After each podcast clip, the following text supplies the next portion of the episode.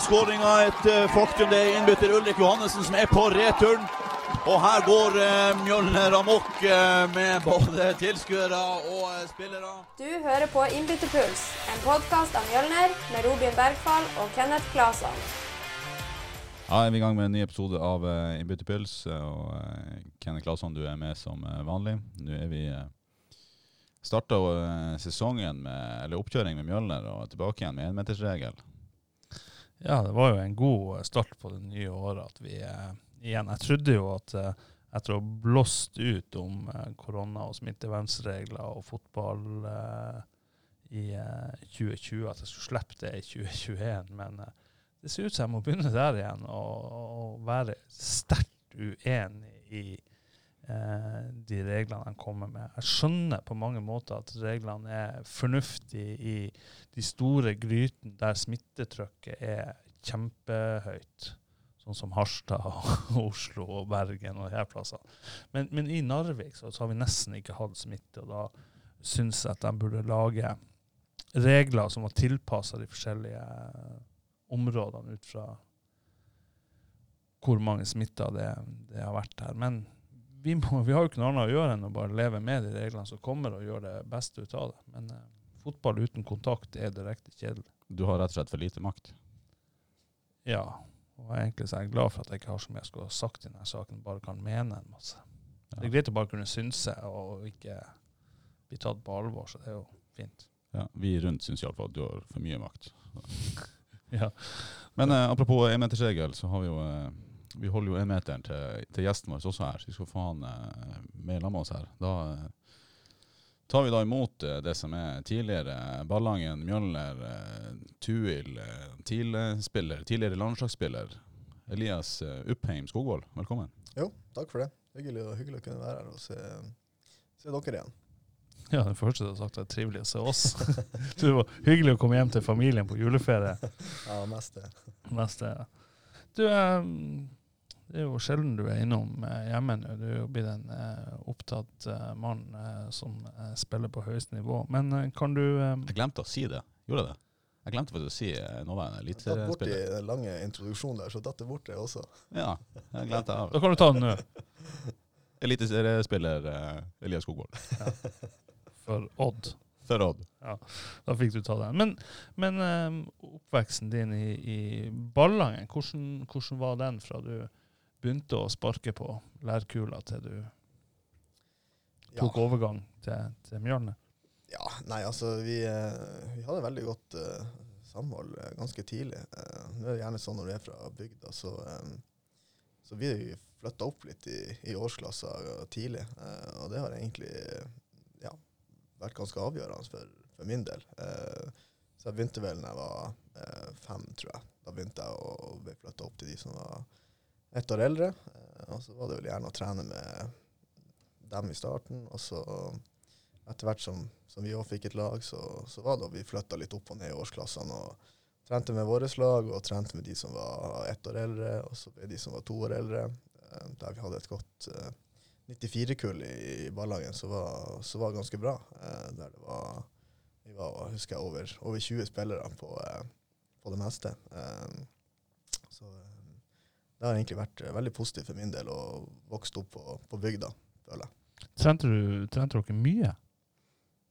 Nei, vi trente jo de vanlige to, to til tre ganger i uka da, med, med hvert lag. Eh, så det ble jo, jeg klarte jo å fylle opp uka til slutt, så det var jo bare så mye man, hvor mye man orka å være med på, egentlig. Driver du på med noe, noe annet uh, idrett eller aktivitet på sida av fotballen? Ja, det var det vanlige. Det var noe ski, og så var det faktisk litt turn som jeg gikk på uh, ganske lenge. Helt til man måtte prioritere i en senere alder, da, uh, som gjorde at ja, da var det egentlig fotball som ble hoved, hovedprioritert. Når du nå vokste opp i, i, i, på bygda, som du sjøl sier, det er vel å merke hans eh, beskrivelse av Ballangen. men, eh, men, hadde du noen forbilder som, som, fotballspiller allerede da? Ja, så hadde jeg sånn at eh, jeg hadde jo en pappa som var trener for, for Ballangen sitt A-lag, der han var ganske bra rundt 2004, 2005, 2006. Og det var en, en to-tre spillere der som jeg begynte å, å, se opp til, faktisk. Og det var han Raymond Sandbakk og han Espen Nilsen de tok jo tidligere turen over til, eh, til Mjølner, men jeg husker jeg syntes det var ganske stas å få være med på eh, ja, både inn i, i garderoben og være med på treninger. og Sikkert litt irriterende for dem å ha den lille drittungen som sprang rundt i garderoben til enhver tid, men eh, det var ganske det var en gøy periode der. Så husker jeg jo, Det var jo ja, den perioden her av Markus Israel som begynte å bli ganske bra. Eh, han dro vel til Mjølner i ja, Kanskje du mer kontroll på, Kenneth, men sikkert sånn 2008-2009, kanskje. Ja, rundt der. Rundt der. Jeg husker han var jo en, fotballspiller. og han, Vi var jo naboer fra, fra byggefeltet også, så eh, nei, det var ganske stas å få være med, være med tidlig der. Man, sånn det var på, på bygda. Da var det ute og spille fotball med de som var syv-åtte år eldre. Det var, det var vanlig prosedyre. Men hadde du noen, noen forbilder utafor uh, ballene, altså England, uh, andreplass i, i fotballverden som du Ja, så det blir jo de vanlige, egentlig. Det blir jo sånn som Lionel Messi og Ronaldo er United-fan, egentlig. Så det blir jo de vanlige der, da. Men jeg tenkte det var litt, uh, var litt kjedelig å bare nevne dem, for de kom, kom litt seinere, kanskje. Men Raymond Sandbakk var et forbilde? Ja, altså Jeg husker han var, han var meget bra. Han spilte kant der i ballaget, så det var eh, Tilbake da så var det faktisk eh, de ballagsspillerne som var eh, Jeg vil si det var litt forbilder. På banen, vel å merke. Jeg er ikke så usikker. Jeg er litt usikker hvordan det var utenfor, banen. Hvilke forbilder har de små guttene og jentene i Ballang som spiller fotball i dag, på Ballang sitt A-lag? Nei, det Rune Knutsen? Rune Knutsen ja, han var jo en uh, meget habil spiller. Han tok vel òg turen i, til, til, Mjølner etter hvert, så det var egentlig sånn det gikk. Med, det var kanskje de som ble forbilder, de som uh, gikk til ja, først og fremst Mjølner, og så Ja, det var gjerne sånn det var. Tror du at du sjøl har noe status der ute? Eller hvordan, hvordan syns du sjøl at din status er ute i Ballangen? Eh, jeg flytta av gårde ganske tidlig, egentlig, opp til Tromsø, så det er jeg litt usikker på. Men jeg håper at jeg kan være med og inspirere litt til at det er mulig å, å ta steg fra, fra, små plasser. Eh, så, så, jeg håper at jeg ja, har gjort noe riktig. At uh, kanskje noen tenker at det er mulig. Men du står ikke og signerer autografer på Rema 1000 Nei. når du er hjemme? Nei. Nei, det gjør jeg ikke. Du kan enda gå trygt på butikken i Ballangen. ja. Det har kommet mye godt ut av Ballangen eh, på fotballsida. Det har jo det mange som har gått eh, denne veien og over til, til, til Mjølner? Ja, det har egentlig vært uh, stort sett en to-tre stykker. Nå har det kanskje vært litt tynnere de siste årene, men uh, en periode der så var det vel regelmessig en to-tre som spilte ganske, ganske mye. Andreas Nilsen husker jeg var en tur innom. Espen gikk, Raimond. Det er mange som har, som har prøvd seg. Emil Bjørnov var en tur. Markus Israelsen. Jesper, ikke minst. Så det har egentlig vært et ganske sånn, ja, godt samarbeid over tid. Men så når du ble sånn kom litt opp i alder, så, så valgte du å ta overgang til, til Mjølner. For det var den første perioden du hadde i Mjølner. Hvordan kom det i stand? Det kom først og fremst at det var da jeg begynte å bli tatt ut på, eh, på eh, talentleirer eh, og aldersbestemt landslag. Da, og da, følte jeg litt at når jeg ble såpass gammel, så var det kanskje ikke den største treningskulturen i Ballangen da. Så da følte jeg at jeg måtte ta et valg. Eh, det var veldig godt 95-lag i Mjølner, som vi sikkert å, prate litt mer om. Eh, og eh, ja, det var veldig sånn, var forespeila en, en, fin rolle da, inn mot å trene med A-laget også, så det var en sånn helhet som gjorde at det var ganske enkelt og naturlig å ta det valget. da.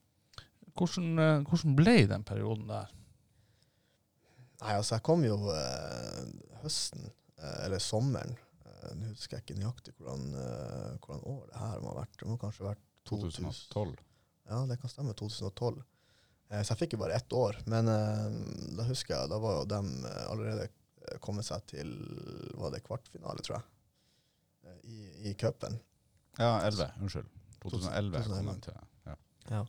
Så det var veldig, veldig morsomt å være med på hele den, hele den turen der, da selv om det endte med tap i cupfinalen, så var det ganske lærerikt å komme inn og Ja, nå, uten, uten, å skryte og sånn, så var jeg jo, følte jeg på treningen i ballagen at det var kanskje ikke så mye mer å hente etter hvert. Da jeg kom til Mjølner og møtte eh, jevngode spillere. Eh, for det var jo, det, det var, jo- kjempe, kjempemye gode spillere på, eh, på det Mjølner-laget der, eh, og fikk matcha godt i både trening og kamp.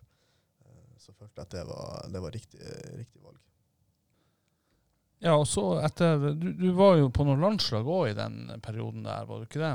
Jo, det stemmer det. Eh, og det var vel gjerne det som bikka eh, at jeg ble tatt med på landslaget, var vel at de landslagstrenerne fulgte litt med på eh, det som skjedde i Mjølner. da. Eh, Jeg husker jeg var i, eh, i Porsgrunn på, eh, i utfordrertroppen da. Jeg var en eh, 15.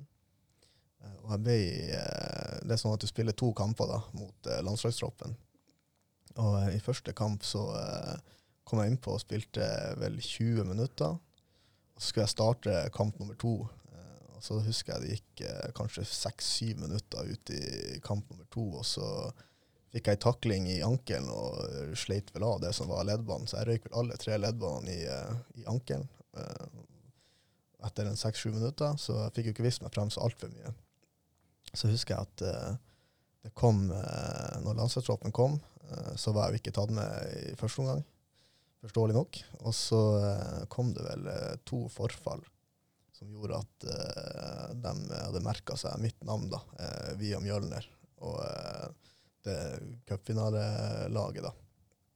Og uh, Nei, det var egentlig tilfeldigheter. Men det er sånn, sånn fotball er, er tilfeldigheter. Så eh, da fikk jeg min første, første samling, og uh, siden det så var jeg vel med eh, ja, stort sett fast der de neste tre, tre årene, tre-fire årene. Og du figurerte jevnlig frem til gutte 18-landslaget. Ja, stemmer. Eh, Hvordan, hvordan var det egentlig å være en del av, av guttelandslaget over de årene? Det var, det klart det var jo det var morsomt, det. Vi hadde jo et veldig bra kull og veldig bra lag, først og fremst. Det har blitt en del gode enkeltspillere i ettertid, men vi eh, Jeg husker vi hadde jo eh, det var 18 eller 19 kamper vi var ubeseira. Eh, så vi var jo veldig gode som lag. Det var jo ingen andre norske landslag aldersbestemt som hadde hatt den, den rekka med eh, som ubeseira. Eh, så eh, vi hadde et veldig, veldig godt lag, det hadde vi.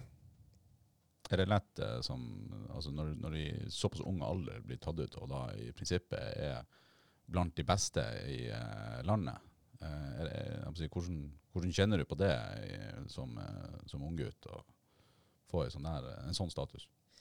Nei, klart det var jo, det var jo veldig, veldig morsomt eh, å være, være med på. Vi, eh, ja, vi fungerte, fungerte veldig godt i lag, og så eh, lærte man selvfølgelig mye av spillere som man kunne se, og liksom se hvor lista lå. da. Så det var først og fremst det man prøvde å bite seg merke i. Du havna jo på, på landslaget med en spiller som gikk til Juventus. Ja, stemmer det. Og du gikk da videre til eh, TIL. Litt forskjell der. Litt, eh, litt forskjell, ja. Hvordan, eh, hvordan kom eh, i stand det her overgangen til TIL, og var det det naturlige neste steget for deg, følte du sjøl, eller?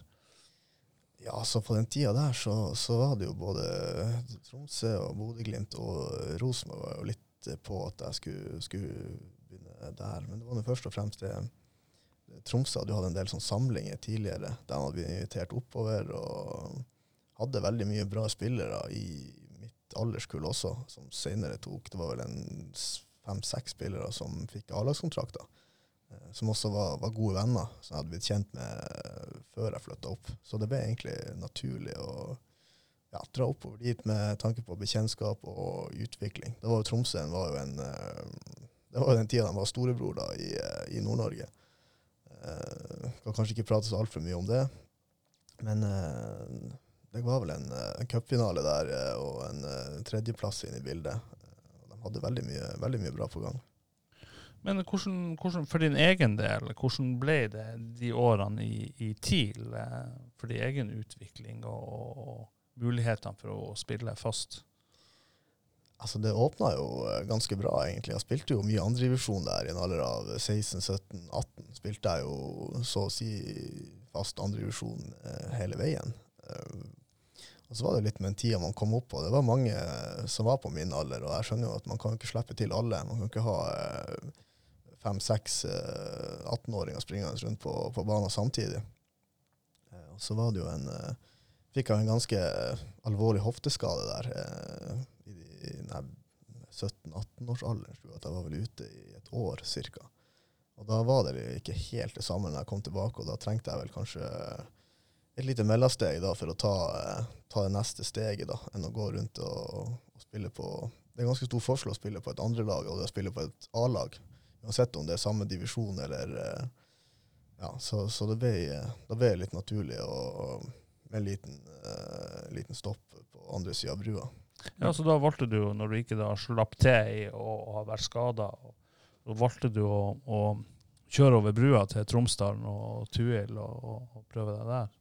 Ja, eh, det var egentlig eh, naturlig valg, det også. Jeg hadde allerede noen, noen kompiser som var i Tromsdalen, og eh, det var mye spennende på gang der også. De hadde rykka ned fra første divisjon på målforskjell det året der, om jeg ikke tar helt feil. Og så var det vel ganske stor enighet at de ville satse på et, på et nytt opprykk. Så jeg så for meg at jeg kunne få litt førstedivisjonserfaring der hvis jeg var med på, på den veien. Men du, du, sa at uh, det er ganske stor forskjell på å spille uh, rekruttfotball og uh, spille A-lagsfotball, selv om det er samme divisjon. Kan du fortelle litt mer om det? Altså, det som er Når du er på et andre lag, så er det veldig mye om utvikling hele tida. De vet at de kan sende ned A-lagsspillere hvis at det begynner å tighte seg til på slutten av sesongen, som de fleste andre lag gjør da. Mens et, et A-lag jakter hele tida resultater og prestasjon i, større grad. Og det preger vel kanskje både treningshverdagen og eh, ikke minst da på kamp. Det er som en ung spiller å, lære at du, du, må faktisk vinne kamper eh, uansett. Det, det, er god erfaring, det. Men uh, i Tuil, da, hvordan ble reisa di der? Du var jo noen år i, i Tuil. Ja, jeg fikk meg vel kanskje to og et halvt, tre år til sammen. Uh, og fikk, uh, fikk bra med, med, matching, i hvert fall de to første årene. Da spilte jeg stort sett det som var. Og så rykka vi opp, da, og så ble det litt, litt mindre spilletid enn det jeg hadde håpa på. Kanskje litt med spillestil, typer i laget. Det er jo en sammensetning som skal til, da. Og vi eh, valgte kanskje å gå for litt mer etablerte spillere som hadde vært med på på det tidligere, da. Hvordan syns du nivåforskjellen er med andredivisjon og Obos? I dag så vil jeg si at den er veldig liten. Eh, det ser jo de lagene som eh, rykker opp. De eh, hevder seg jo veldig bra. Kom jo bl.a. Åsane gjorde jo en knallsterk sesong. Grorud, Bergaplassen og Stjørdalsblink helt på, på, slutten.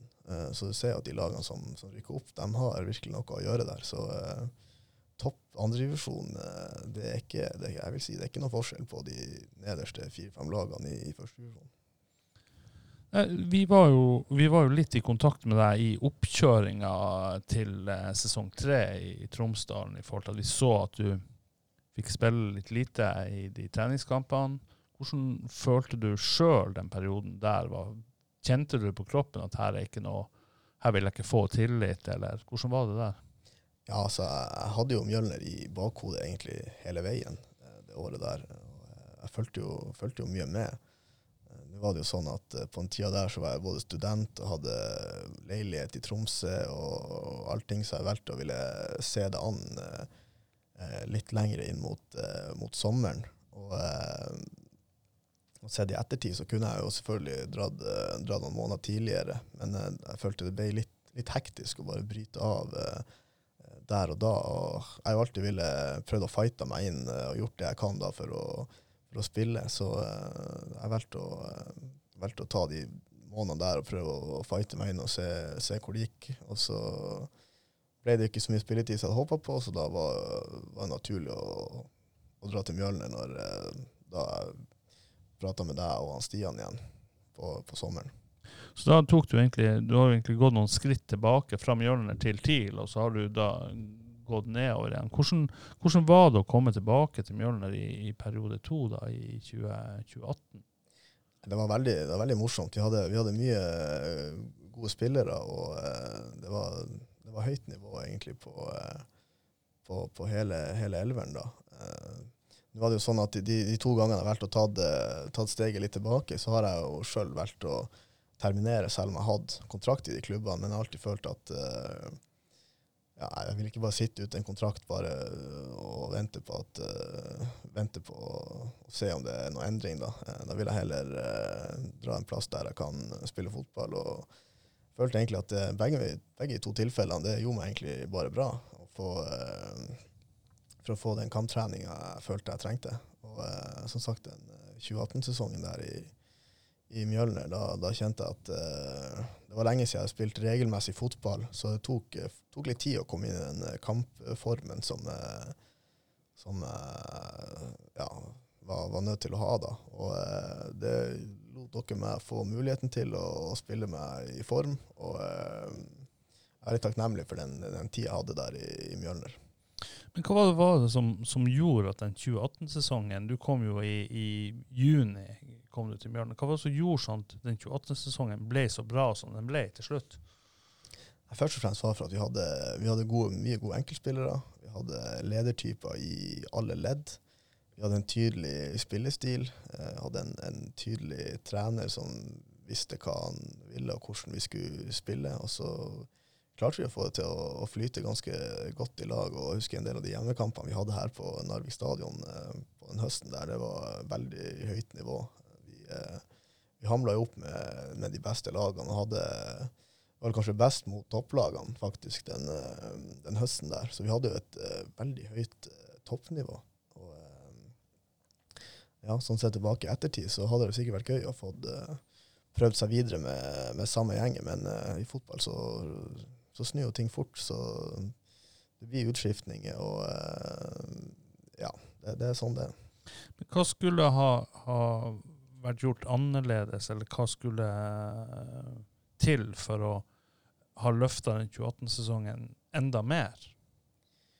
Havner, vi havner jo til slutt på en sjetteplass. Syvende. Syvendeplass, ja. ikke sant? Det var ikke mange poeng opp til Vi lå jo faktisk ved siste kamp og spilte om tredjeplassen.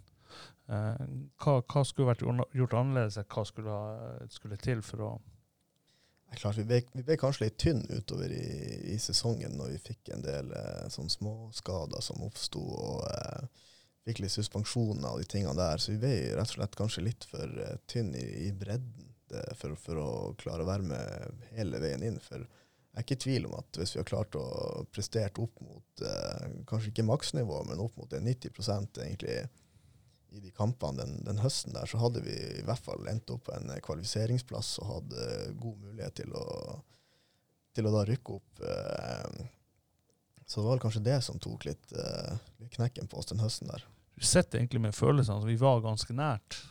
Ja, selv om det endte på en, til slutt på en syvendeplass, så var vi jo jeg mener Vi slapp inn uh, mål mot Grorud i siste kamp, der vi egentlig lå på en tredjeplass som gjorde at uh, vi plutselig endte opp på en, uh, på en syvende. Men uh, sett i ettertid så Ja, jeg har ofte tenkt på det, om hva man kunne gjort annerledes og, for, for, å ta det siste lille steget der. Det var jo det var ikke så mange av de spillerne som var der, som hadde erfaring med, å, med hvordan man skulle gjøre det med et eventuelt opprykk, og for å, for å sikre de poengene man trengte. Så kanskje litt på eh, rutine og litt på bredde som gjorde at vi ja, ikke, ikke, holdt helt inn. Og det er sikkert, eh, jeg tipper alle spillerne som var der, har tatt mye læring av den perioden der i ettertid, hvis at det oppstår en lignende situasjon. Og så, som sagt, Det var jo en bra sesong, og målet var jo å berge seg i, i andredivisjon. Og vi var med og kjempa helt i toppen. Så kom jo 2019-sesongen. Hva var det som gikk eh, galt der? For, foruten at han Robin ble assistenttrener? Ja, jeg tror det var der eh, feil. Nei, altså, Vi trenger å prate så altfor mye om det. Det var, um, det var en trøblete uh, ja, Man merka vel helt fra, fra oppkjøring at det, var, det begynte å skrante litt. Uh, vi mista mye spillere som hadde vært ekstremt viktige for oss. Nesse begynte å uh. Raufoss var interessert. Uh, Alex eh, begynte å telle på knappene. Jabre dro vel til Romania, så jeg ikke tar helt feil. Og eh, ja, vi mista vel kanskje en del av de ledertypene og det fundamentet vi hadde. Vi, vi spilte jo god angrepsfotball til tider, men vi hadde i hvert fall et defensivt Altså vi var solid defensivt, og vi mista kanskje de bærebjelkene der i, i forsvarsrekka som gjorde at vi eh, vi så litt eh, shaky ut eh, fra startblokken, egentlig. Men føler du at i 2018 så hadde man marginene med seg, og i 2019 så hadde marginene mot seg? Ja, det kan du si. Eh, vi, vi, vi fikk jo en del skader på, på nøkkelspillere i 2019-sesongen, bl.a. Mathias Johnsen, som har vært strålende for oss i 2018-sesongen. Simen Kjær han eh, var vel en albue ut av ledd. Og eh, vi begynte da i tillegg å miste eh, viktige spillere gjennom store deler av sesongen, så, eh, så, ja, så kjente man litt at det her begynte å, å se litt stygt ut. 2019-sesongen var jo en sesong hvor altså, alt gikk jo på tverke og endte jo opp med å være en ikke en god sesong. Eh, hvordan er det som spiller i en sånn der periode å jobbe? Du kjenner på at du er i motbakke hele, hele sesongen. Hvordan kan man motivere seg til å holde på? Altså klart det, det er jo det er alltid hyggeligere å møte på, på trening etter eh, å ha tatt, eh, tatt tre poeng. Og i forhold til 2018-sesongen så hadde vi jo alltid en trygghet at hvis, vi- tapte en kamp, så, så var vi kjapt tilbake, egentlig, og, og, og følte oss konkurransedyktige. Og, eh, mens i 2019-sesongen så, eh, så begynte det å være litt mer preg etter hvert tap som kom, da. Og det er liksom demotiverende for eh, for ei spillergruppe, og vi, vi, vi prøvde det vi, det vi kunne, og det var en vanskelig situasjon både for Jeg fikk jo inn en ny trener, kom kanskje inn litt, litt seint, og som gjorde at han fikk kanskje ikke satt helt sine tanker inn i, inn i laget, sånn som eh, man gjerne skulle, skulle hatt. Eh, vi henta kanskje litt spillere som ikke passa inn i måten vi ville spille på. Så det er litt sånn, sånn sammensatt eh, men, men som spiller, da, så, eh, så er det tungt å, å ikke føle seg konkurransedyktig hver, eh, hver kamp. Vi begynte å få en litt eh, tynn, tynn tropp der, og ja, vi, vi, vi plagdes litt gjennom egentlig hele, hele sesongen. Og så blir jo sesongen litt sånn Hva skal jeg kalle det for? Eh, katastrofal for, eh, for laget. Altså en lykkelig slutt for din del, i, i den grad at Mjølner rykker ned, men du plutselig får et tilbud fra Odd. Ja, eh, for min del så, så følte jeg at jeg, i hvert fall i, i eh, vårsesongen og, og utover sommeren, at eh, jeg var i bra form og ble kanskje tvunget til å ta litt mer ansvar siden vi hadde mista en del, del typer. Eh, og det var en litt uvant rolle for min del, å på en måte være ja, en, av, en av ledertypene i et lag. Da. Så jeg vokste, vokste veldig på det. og eh, når eh, ja, Odd kom på banen så, eh, jeg skjønte at det kunne bli en, en overgang der, så var det selvfølgelig fint for, fint for min del, men uh, det var ikke noe gøy å kjenne på at uh, vi, vi plagdes som lag. og uh, Som sagt, Mjølner hadde jo betydd veldig mye for meg, med å, både med den overgangen jeg fikk til, til Tromsø når jeg ble tatt ut på aldersbestemt landslag, og at jeg på en måte fikk restarte karrieren min. Så det var litt tungt. Jeg kjente veldig på det at det var jeg så at vi, vi begynte å bli litt akterutseilt at uh, forhold til, forhold til nedrykk og sånn, at det var, det var tungt mentalt og eh, ja.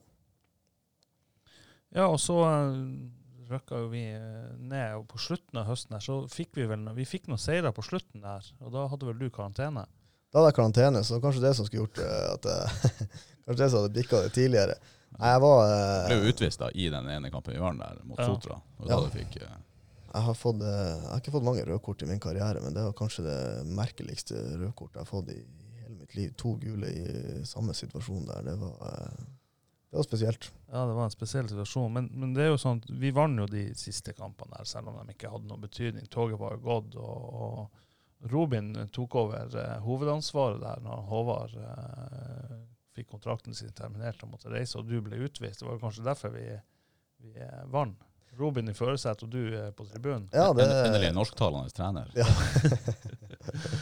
Nei, altså vi eh, det, det var kanskje det som, som gjorde at eh, andre spillere også da tok jo eh, litt mer ansvar. Vi slapp kanskje mer ned skuldrene når vi så at det nesten var kjørt. Og man vet jo aldri, hadde vi klart å sluppet skuldrene litt tidligere, så har det kanskje vært det som bikka de andredivisjonskampene der. er alltid tett og jevn. og Vi ble jo sjelden rundspilt. Det var kanskje det var én bortekamp mot Sotra jeg husker vi fikk kjørt oss, og så var det vel en hjemmekamp mot Åsane som jeg liksom husker vi virkelig plagdes i. Men ellers så var det ikke noen sånne kamper der jeg tenkte sånn at de her laget her er sykt mye bedre enn oss. Så det var tett og jevne kamper. Så ettertid så har man klart å bikke de i tillegg hadde uh, tilgjengelige nøkkelspillere, sånn som han, uh, Johnsen og Kjær annet, som var veldig viktig for oss. Så, uh, så hadde vi nok berga plassen. Det var ikke mange poeng om å gjøre. Det var vel en tre poeng, tre-fire poeng opp. Ja, det var, var, ikke så langt unna, men, men året gikk nå, og det ble noe nedrøk. Og i 2020 så fikk ikke vi spille fotball. Men du forsvant til Odd.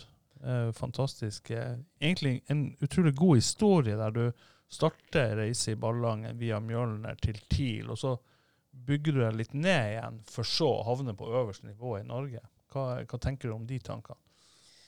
Altså, altså jeg, jeg, har alltid visst det sjøl hva, hva, mine styrker egentlig er, og jeg føler på en måte at da jeg tok de stegene ned, så fikk jeg på en måte litt være meg sjøl igjen. Eh, jeg har gått inn i kanskje lag der spillestilen ikke har passa meg helt. Eh, ikke har fått brukt de, de kvalitetene eh, ja, så jeg føler jeg besitter. da. Og så var det veldig sånn jeg kom, kom tilbake til Mjølner, og så fikk jeg på en måte funnet meg sjøl litt. og bli litt tryggere på det jeg kan og det jeg ikke kan. Og så ja, følte at jeg tok de stegene som, som jeg trengte. Sånn selvtillit det, det, preger jo alt man gjør, så da når du da føler du utvikler det du allerede kan, så, så blir det sånn at de, de svakere sider blir kanskje litt mer kamuflert.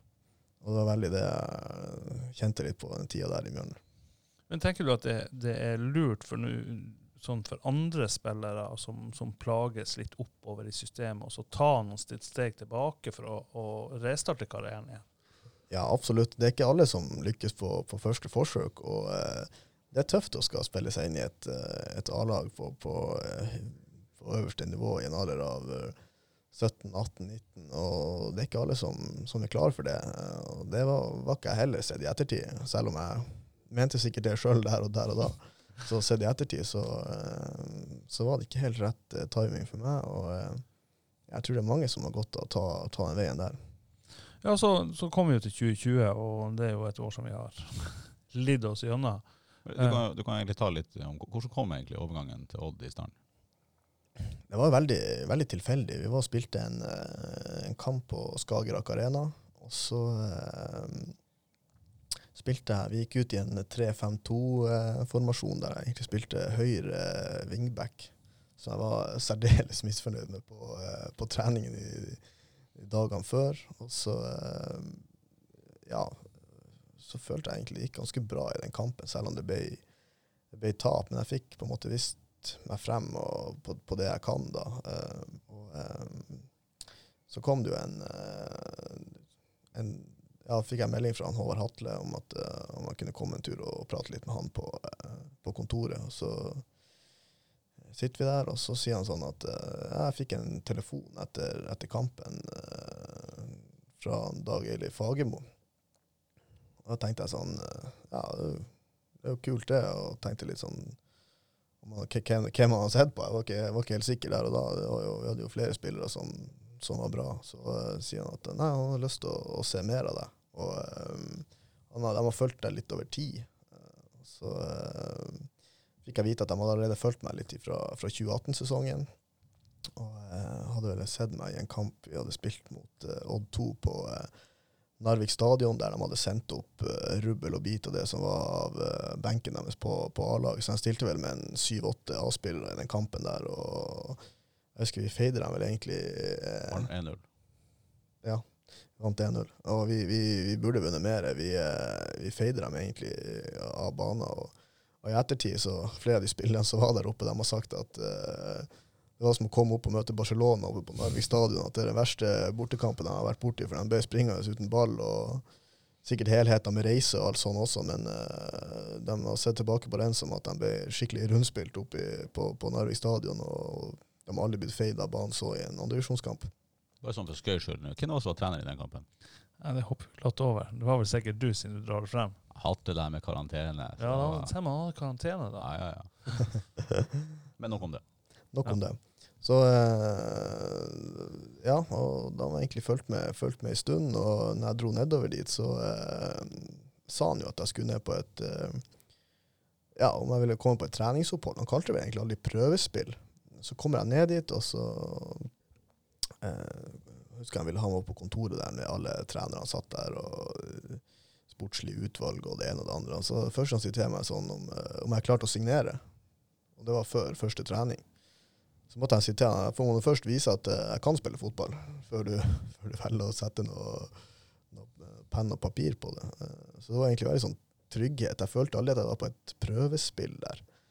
Allerede etter første, første trening så kommer han til meg og sier han at du må jo signere for en eliteserieklubb, sa han til meg etter, etter første økta. Og eh, da klarte jeg virkelig å, å slippe ned skuldrene og bare å kose meg resten av, eh, av uka. Og eh, det gikk, eh, gikk veldig bra. Det gjorde det. Ja, og så, så kom du hjem og pakka sakene dine og, og reiste nedover. Hvordan, hvordan ble den, den overgangen der, når du kom ned dit? Det ble jo et trenerskifte òg der ganske raskt. Ja, det ble jo et eh, trenerskifte, og ja, det er vel aldri helt heldig med et uh, trenerskifte tre uker inn i, i ny klubb, da. Uh, hadde følt jeg hadde jobba ganske godt den, den vinteren der og mot den fysiske, fysiske formen, og uh, jeg trente kanskje hardere enn noen gang har gjort. Uh, og det fikk jeg kanskje litt svi for når jeg kom nedover. Eh, Da hadde jeg allerede dratt på meg et par belastningsskader på en, eh, i offseason der som jeg aldri har vært, vært borti før. Eh. Så jeg kom egentlig litt, litt skjevt ut egentlig før Jeg hadde en strekk i leggen med en gang før, før det trenerskiftet kom, da. Så eh, ja, kan du si det kom, kom litt skjevt ut ifra, fra start av. Ja, og, og skjevt ut, sier du nå sjøl. hvordan har året vært for din egen del? Klart det har vært, eh, det har vært, det har vært kjedelig. Det har vært, eh, vært et tungt år eh, med mye sånn, sånn småskader, ikke kommet helt i gang, sittet på en plass uh, der du ikke har noe, uh, noe trygge rammer egentlig rundt deg. Du, du har ikke så mye kjentfolk. Uh, Så kom det en pandemi oppå det, oppå det hele som gjør at det er vanskelig å bli, å bli kjent med folk og på en måte komme inn i og tenke at du, du, du er på en ny plass, du skal bo og leve her, enn å bare bli sittende inne i, inn i leiligheta di, og du, alt du gjør er å dra til og fra trening. Du eh, tenker bare fotball eh, 24 timer i døgnet. Eh, og, og du kommer på en måte inn i en sånn negativ eh, spiral da, du, hvis du da ikke føler at du utvikler sånn som du har lyst til. Hvor, hvor viktig tror du det er når du skal til en ny plass? Hvor viktig er det? Er det lettere å, å komme til en ny plass og lykkes med en gang, eller kontra det å plages når du ikke har noen rundt deg? Ja, altså det uten tvil. Eh, alle, alle vil jo, som kommer til en ny plass, føle at de eh, lykkes fra start av, og føle at du eh, kan bidra inn mot, eh, mot laget. Så eh, å komme, komme skjevt ut fra start er vel aldri, aldri positivt. Men, men det å sette, du du er jo litt inne på det, sette nede i Skien eh, eh, alene, eh, hvordan, hvordan er den verden der? Den er jo veldig ensidig, da. Altså, du, du, du står opp, du drar på trening. Eh, Vi trente jo I oppkjøringa trente vi jo veldig hardt. eh, Mye hardere enn jeg har gjort i, i noen andre klubber. Vi, eh, vi trente vel eh, 12-13 økter i uka i hele, hele oppkjøringa. Du, du vil gjerne vise deg frem. Så du, du tar kanskje ikke de hensynene til kroppen som du egentlig, egentlig burde. Eh, Du føler at du må prestere hele veien. Og eh, det å eh, ja, ikke føle at du lykkes sånn som du håper på, det, det gjør at du Ja, det blir en, blir en tung hverdag til slutt. Hvordan er oppfølginga for klubben i en sånn periode der man er litt ute av laget? Nå var det jo med, med trenerskift og alt, så gjør det jo at uh, de har klart mye, mye ting å, å tenke på. Så uh, i startfasen der så blir det jo litt uh, alene, egentlig. Men de har gjort veldig mye for at man skal føle seg som en del av, av laget, da, selvfølgelig. Så jeg føler klubben fra Veldig fin klubb å være i. Det, det er ikke noe tvil om det. Men føler du at, at Eliteserien og Kanskje ikke så mye klubb, men føler du at Eliteserien var det riktige neste steget for deg sjøl? Sånn sett nå, nå er vi i 2021 og vi har eh, lagt bak oss et 2020. Ja, altså Der og da følte jeg at det var uh, veldig på tide å ta, å ta det steget. Og uh, det så var den, den oppkjøringa der og hele overgangen inn at uh, jeg måtte kanskje ha litt flaks og litt tur også med, for, for, å, for, å, skulle lykkes. da, At man måtte, måtte gå på skinner og min vei. da at jeg måtte holde meg skadefri hele, hele den perioden der. Og hadde ikke, hadde ikke råd å miste noen uker eh, trening, så ble det jo to-tre måneder der allerede i oppkjøringa som gikk, eh, gikk Aiken, da. Og eh, når du da ikke får den, den tryggheten der og eh, kunne ta med deg hele veien, så, så, begynner du jo på en måte å tvile litt på deg sjøl underveis, da. Og eh, når du da som fotballspiller begynner å tvile på ferdighetene dine, da, da er det liksom tungt å skal kunne eh, omstille. Det er det. Men eh, hva tenker du om fremtida? Du er jo enda en periode igjen av kontrakten din i Odd. Hva tenker du om, om fremtida di videre der? Altså, jeg, skal, jeg, skal, ned og, og få ordentlig rehabiliteringsprogram der nå i preseason, og så har vi det enige om at vi, vi, holder en dialog åpen, egentlig. Og uh, jeg har sagt at jeg vil være i en klubb der jeg kan føle jeg kan bidra, og de vil jo selvfølgelig ha en spiller som kan bidra, så det kommer til å bli veldig sånn Det er jo toveiskommunikasjon da, for å finne det, det rette valget. Og eh, jeg var ganske nært å dra på utlån til det var to-tre førstesesjonsklubber som var, var, veldig ivrige i fjor sommer. Eh, eller utover sommer og sommer. Det var halvveis i sesongen, så det her må ha sikkert vært i august-september. Som var interessert i å ha meg på lån. Jeg var veldig nært. Eh, og så fikk jeg en eh, strekk i hamstringen eh, egentlig rett før vinduet stengte. og det er vel ingen klubber som vil ha en spiller der de vet uh, ikke kan spille kamper de første to månedene. Uh, så da ble det på en måte lagt litt på, på is. Uh, men jeg vet det har vært De samme klubbene har nå vært, vært, litt på ballen nå i, i, vinter også, så jeg holder det nå litt, litt, åpent, å gjøre. Er vi da på hvilken halvdel av Obos? Det er vel midt i, og så er det vel én klubb som da havna på kvalik i, i første divisjon som har vært, eh, vært, litt interessert. Så, eh, men i all hovedsak så har jeg lyst til å spille på høyest mulig nivå. Så hvis jeg ser i oppkjøringa og treneren nå ser at han her kan fint bidra, så er det ingenting bedre enn det. Hvis ikke så, så finnes det noen andre, andre muligheter. Men, men, det viktigste for deg er, det, er at du sjøl føler at du har noe der å gjøre, og at klubben ser nytten i deg. Da blir du værende, eller hva skal til for at du, du skifter beite? Ja, det er vel litt, eh, litt, det også. Du vil selvfølgelig føle deg viktig i, i spillergruppa og føle at du har noe å, å bidra med mot en, en elver. Eh, så, så, det er vel i hovedsak det som eh, det står litt på, da. Men er det sånn at um, du, du er du er en reflektert, våken uh, gutt enda. Hva, hva, er dine Enda. enda. Han er ikke blitt så gammel enda. Men hva er dine egne styrker og svakheter som fotballspiller? Altså, Nå føler jeg jo at jeg er en uh, noe dribler, hurtig med ball, kan, kan dra og skape, skape ubalanse. Som har vært egentlig mine styrker.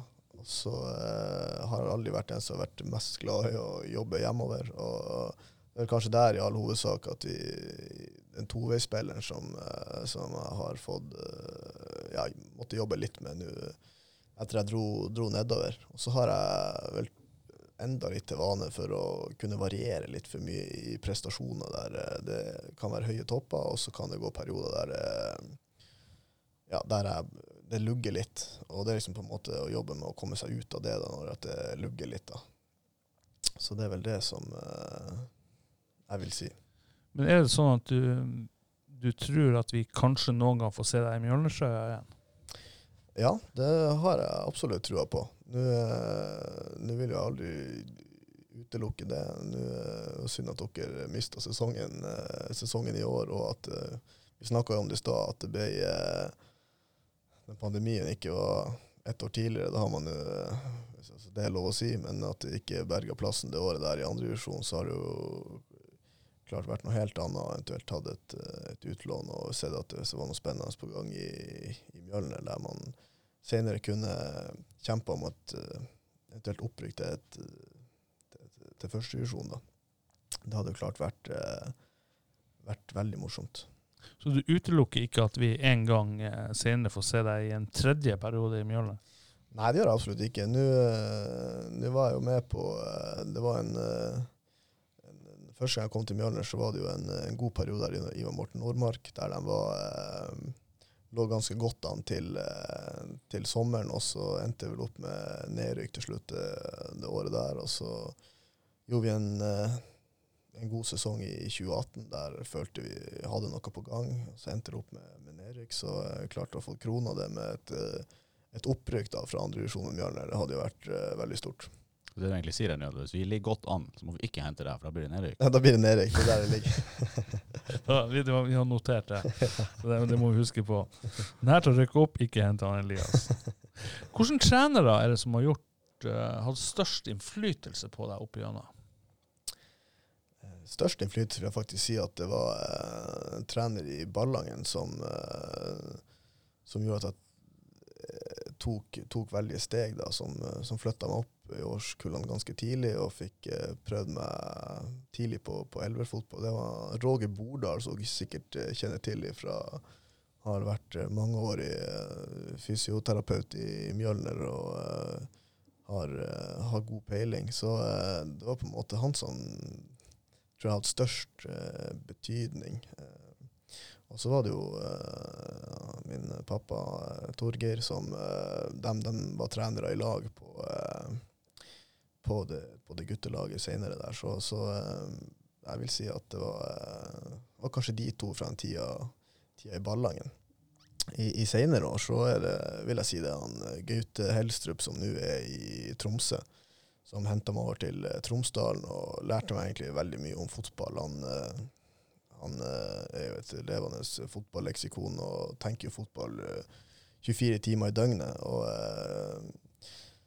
selv om kanskje vårt uh, forhold etter hvert uh, surna litt uh, når det ikke ble så mye spilletid, så, uh, så var han veldig fotballdyktig og lærte meg utrolig mye sånn sett.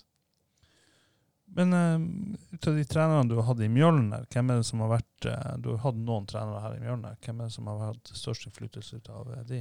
Ja, det vil jeg si han Stian, eh, Stian Johnsen. Var uh, veldig dyktig. Jeg kom inn det, det, året der, og han er veldig tydelig hva han, uh, hva han vil, og hvordan type fotball han vil spille. Har jo masse erfaring sjøl. Uh, så han er meget dyktig herremann.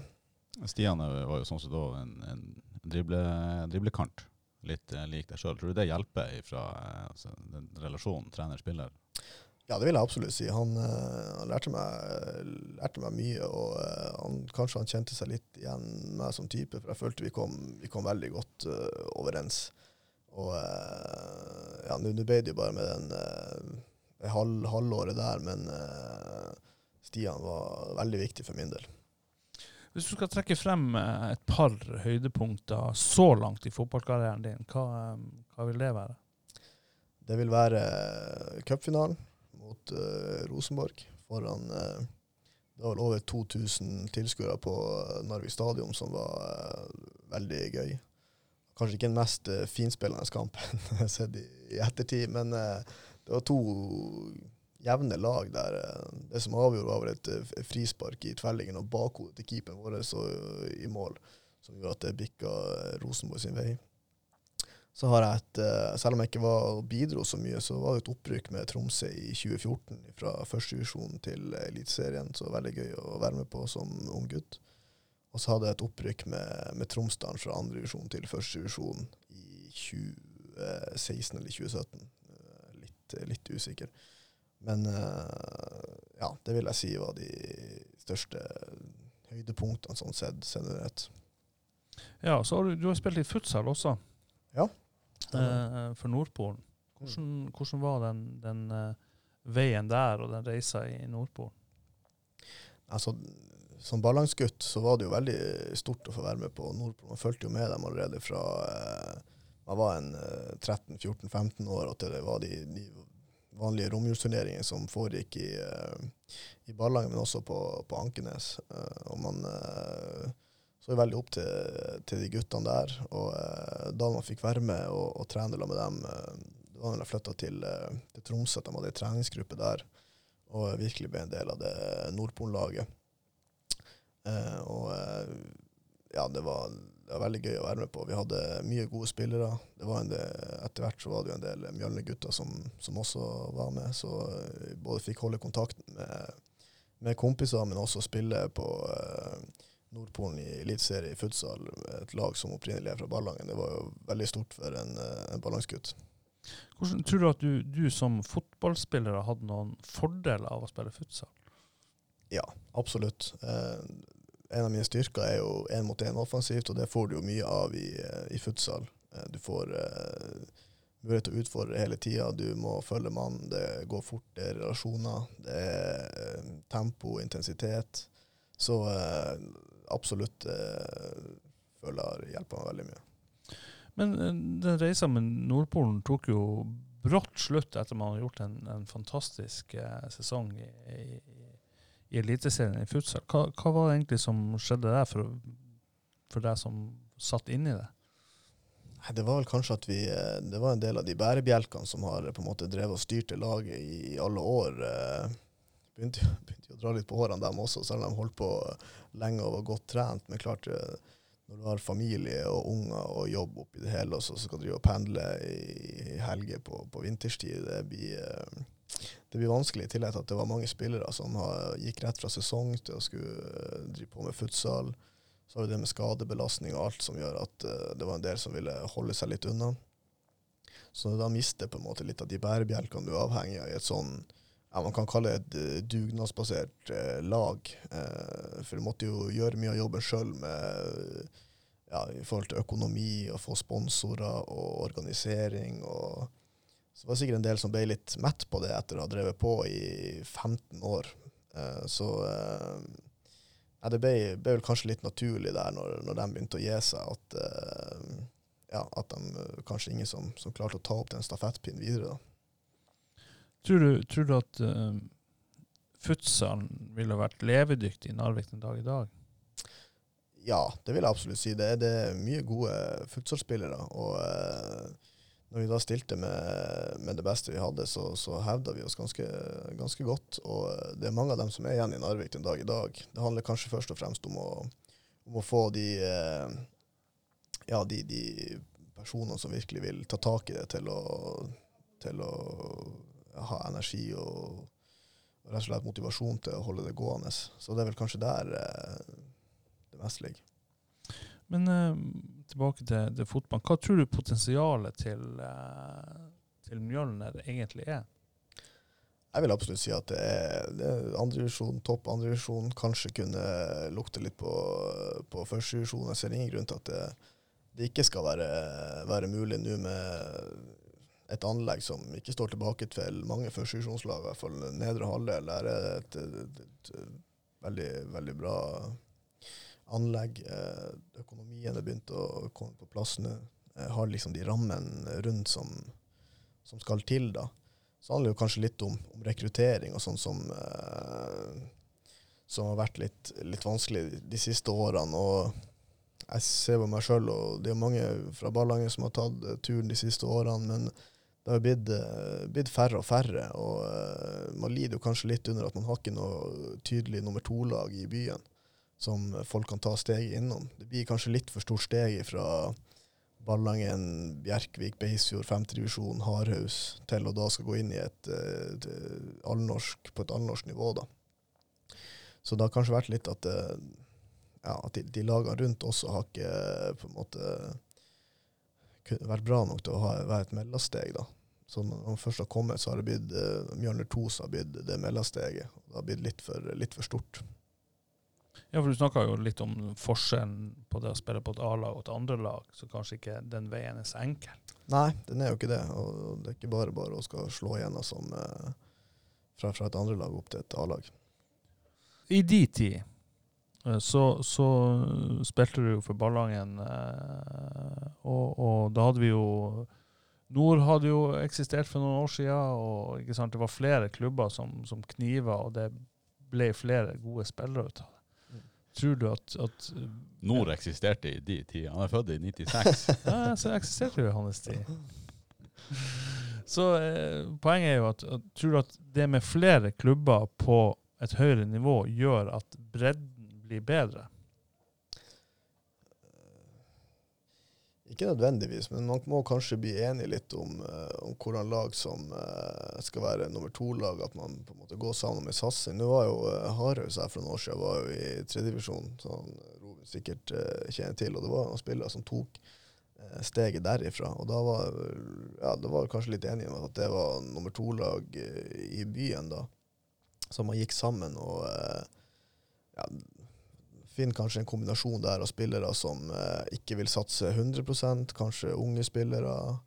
Eh, spillere som eh, har jobb, og som eh, kanskje ikke har like mye, mye tid til å, å kunne satse. Så man på en måte finner en, en klubb der eh, ja, det, det er en god blanding av forskjellige typer spillere og folk. da, eh, Og der de, de beste de eh, har mulighet til å vokse inn i eventuelt det laget, og så kunne ta steget videre. For de balanseguttene som du nevnte innledningsvis her, eh, Raymond Sandbakk, eh, Andreas Framvik Nilsen, Espen Nilsen, de har jo også spilt i Hardhaus. Mm. Så det er jo klart at det å ha et, et steg imellom kan være, kan være viktig. Ja, absolutt. For, for jeg vil si det er, det er ikke bærekraftig for, eh, for Mjølner å bare skulle være avhengig av å hente spillere utenfra. Eh, sånn som eksempel sånn som Senja og Finnsnes kunne gjort. De hadde en eh, Tromsø-basert eh, lag der de kunne hente spillere som var, var i området. Da, og det er jo litt verre her, her i, i Narvik, da.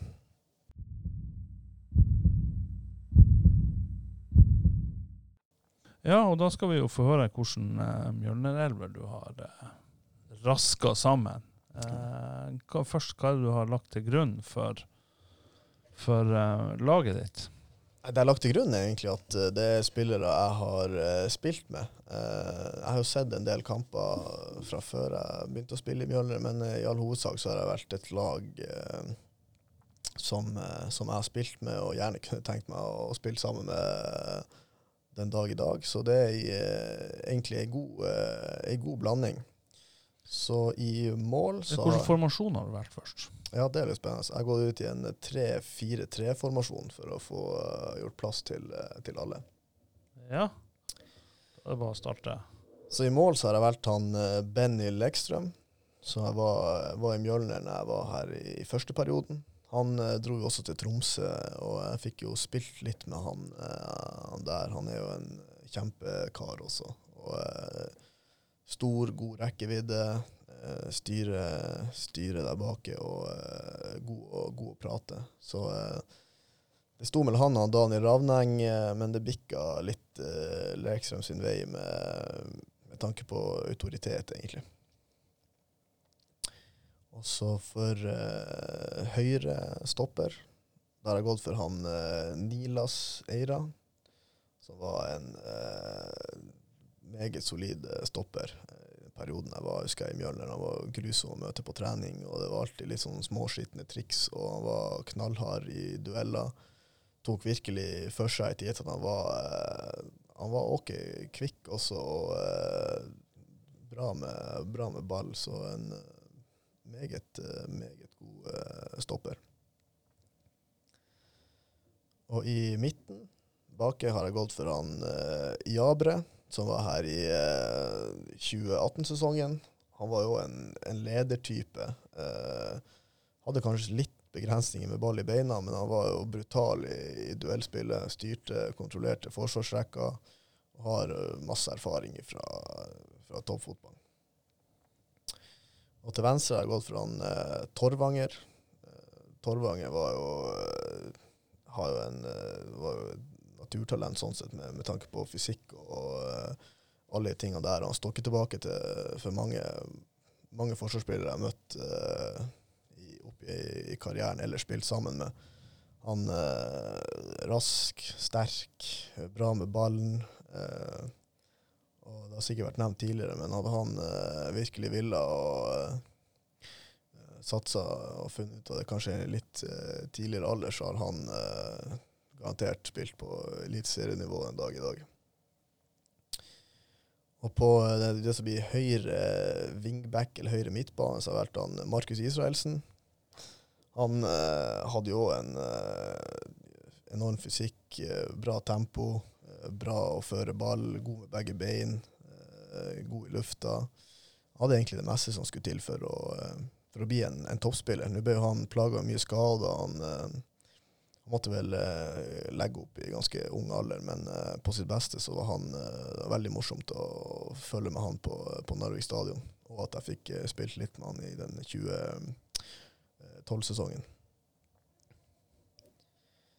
og på eh, midtbanen jeg går for to, to, sentrale som styrte showet litt i, i, 2018. Og det er han Mathias Johnsen og han Mathias Nikolaisen, som ja, på sitt beste var beste midtbaneduoen i andre divisjon i 2018.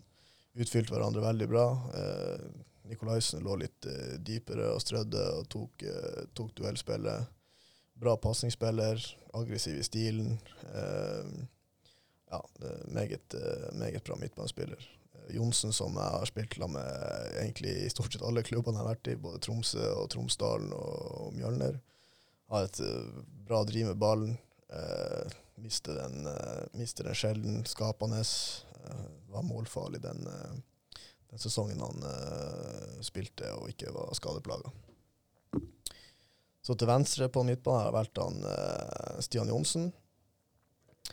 Han ja, jeg husker på treninger og sånn i, i 20, 2012 da jeg var, var i Mjølner. Han var, var, helt rå. Det var vel Ja, om det var da han var på toppen. Han var kanskje akkurat, eh, akkurat, litt over, men han var eh, fortsatt enormt god. og Han bare så bare når han fikk ballen og han ville, så satte han fart forbi alt og alle og kunne gå begge veier. og Jeg har vel enda et par skuddfinter ligget nede i snøskavlene på, uh, på Narvik stadion siden den gang. Så i en til, ja, det er jo litt sånn uh, skeiv 3-4-3, da, med, med kanskje to uh, mellomromsspillere på, på kanter. da. Men til venstre har jeg i hvert fall gått for han uh, Simen Kjær, som var uh, på sitt beste. Var han, uh, når han var skadefri og matchfit, kan du si, så var han ja, enormt god med, med ballen i beina og god teknikk, gode touch. kunne dra av spillere og eh, ja, var, var, meget bra. Så på topp så har jeg gått for han Kristoffer eh, Nesse. Dette er jo fra, fra 2018-sesongen. Nesse, når han uh, hadde bestemt seg og var i form, så var han, uh, må ha vært grusom å møte. Han hurtig, lagspiller, god med ball, godt skudd.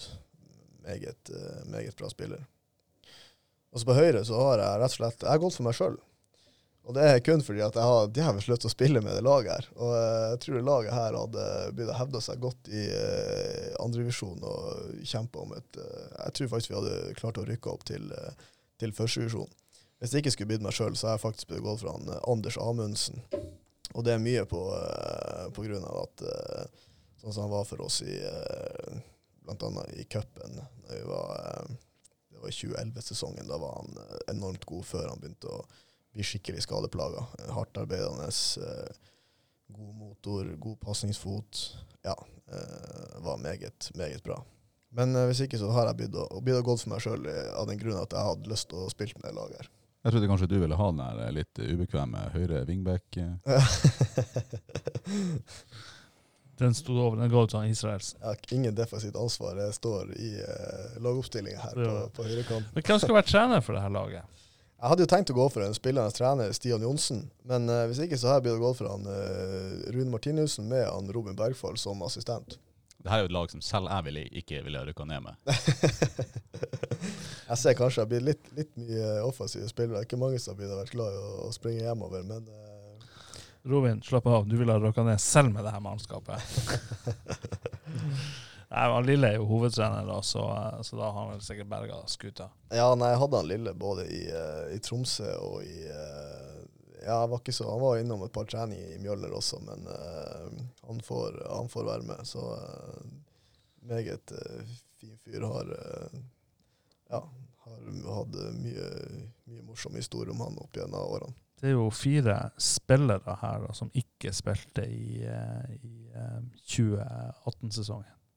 Ja. Det er Stian, eh, Markus Israelsen, Nila Seira og Benny Lekstra. Anders Amundsen. Ja, men nå tok jeg bare han med som, som parentes, for han skulle spille sjøl, Elias. Ja. Ja. I og med at Elias var så skade, skadeplaga, så var det greit å ha en ekstra spiller med. Sett inn der. innpå. Ja. Anders han sprang, han, han han visste hva det fiksa. Ja. ja, men uh, godt lag. Det der kunne vært artig å se hvordan de ville ha gjort det der i, i uh, andredivisjon. Ja, absolutt.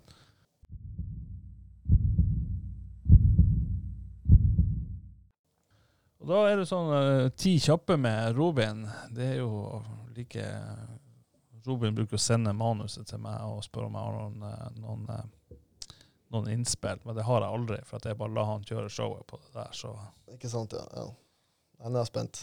Men har du, har du forstått konseptet? Det du, får, du får ti spørsmål her da, med to svaralternativ, og du må velge ett. OK. Ja. Ja, og Det jeg- ingen, ingen jeg klare. det, det skal du klare. Du, du får til det her. Jeg får til det. Nei, da kjører vi. Da har vi eh, første. Det er Ronaldo eller Messi. Messi. Runde keeper eller kølle i krysset. Curly i krysset. Vinne knepent eller overlegent. Overlegent. Bo i Tromsø eller bo i Skien. Tromsø. Spille fotball med skisko eller løpe i lysløypa på vinteren med fotballsko. Eh, fotball med skisko. Mjølner i Obos eller ny treble med United. Uh, Mjøller i Obos. José Mourinho eller Luis van Gaal. José Mourinho. Hodeduell med Jarko Ladenmaki eller én mot én med Silver Grauberg. Nei, jeg tar én mot én med han eh, Silver. Botur eller egenplanlagt ferie. Botur. Tørr vits eller et godt visdomsord. Tørr vits. Ja, det er bra. Der er du sterk, Robin. Ja, takk. Tør, tørre vitser, der eh, har hørt noe. Det er Robin sin sterke side, tørre vitser. Jeg rykker ned, men det er god stemning. Ja. ja, men det er viktig å kunne holde god stemning også, selv om man rykker ned. Det er derfor du er med. Ja. Ja. Ditt ansvarsområde. Nei, men det her det var jo eh, veldig bra, Elias. Og det er jo hyggelig å høre at du går på med stor iver eh, på en ny sesong i, i, i Odd. Og vi, vi håper jo vi håper jo at du lykkes og spiller deg inn i elveren, så vi får se deg i, eh, i Eliteserien. Det ville vært utrolig eh, morsomt. Yes, takk, takk, takk for det. Ja, Det har vært eh, kanon å ha deg med, så vi, vi gleder oss til å følge med videre. Hyggelig å kunne, hyggelig å kunne være her. Da takker vi for laget. Det gjør vi. Snakkes.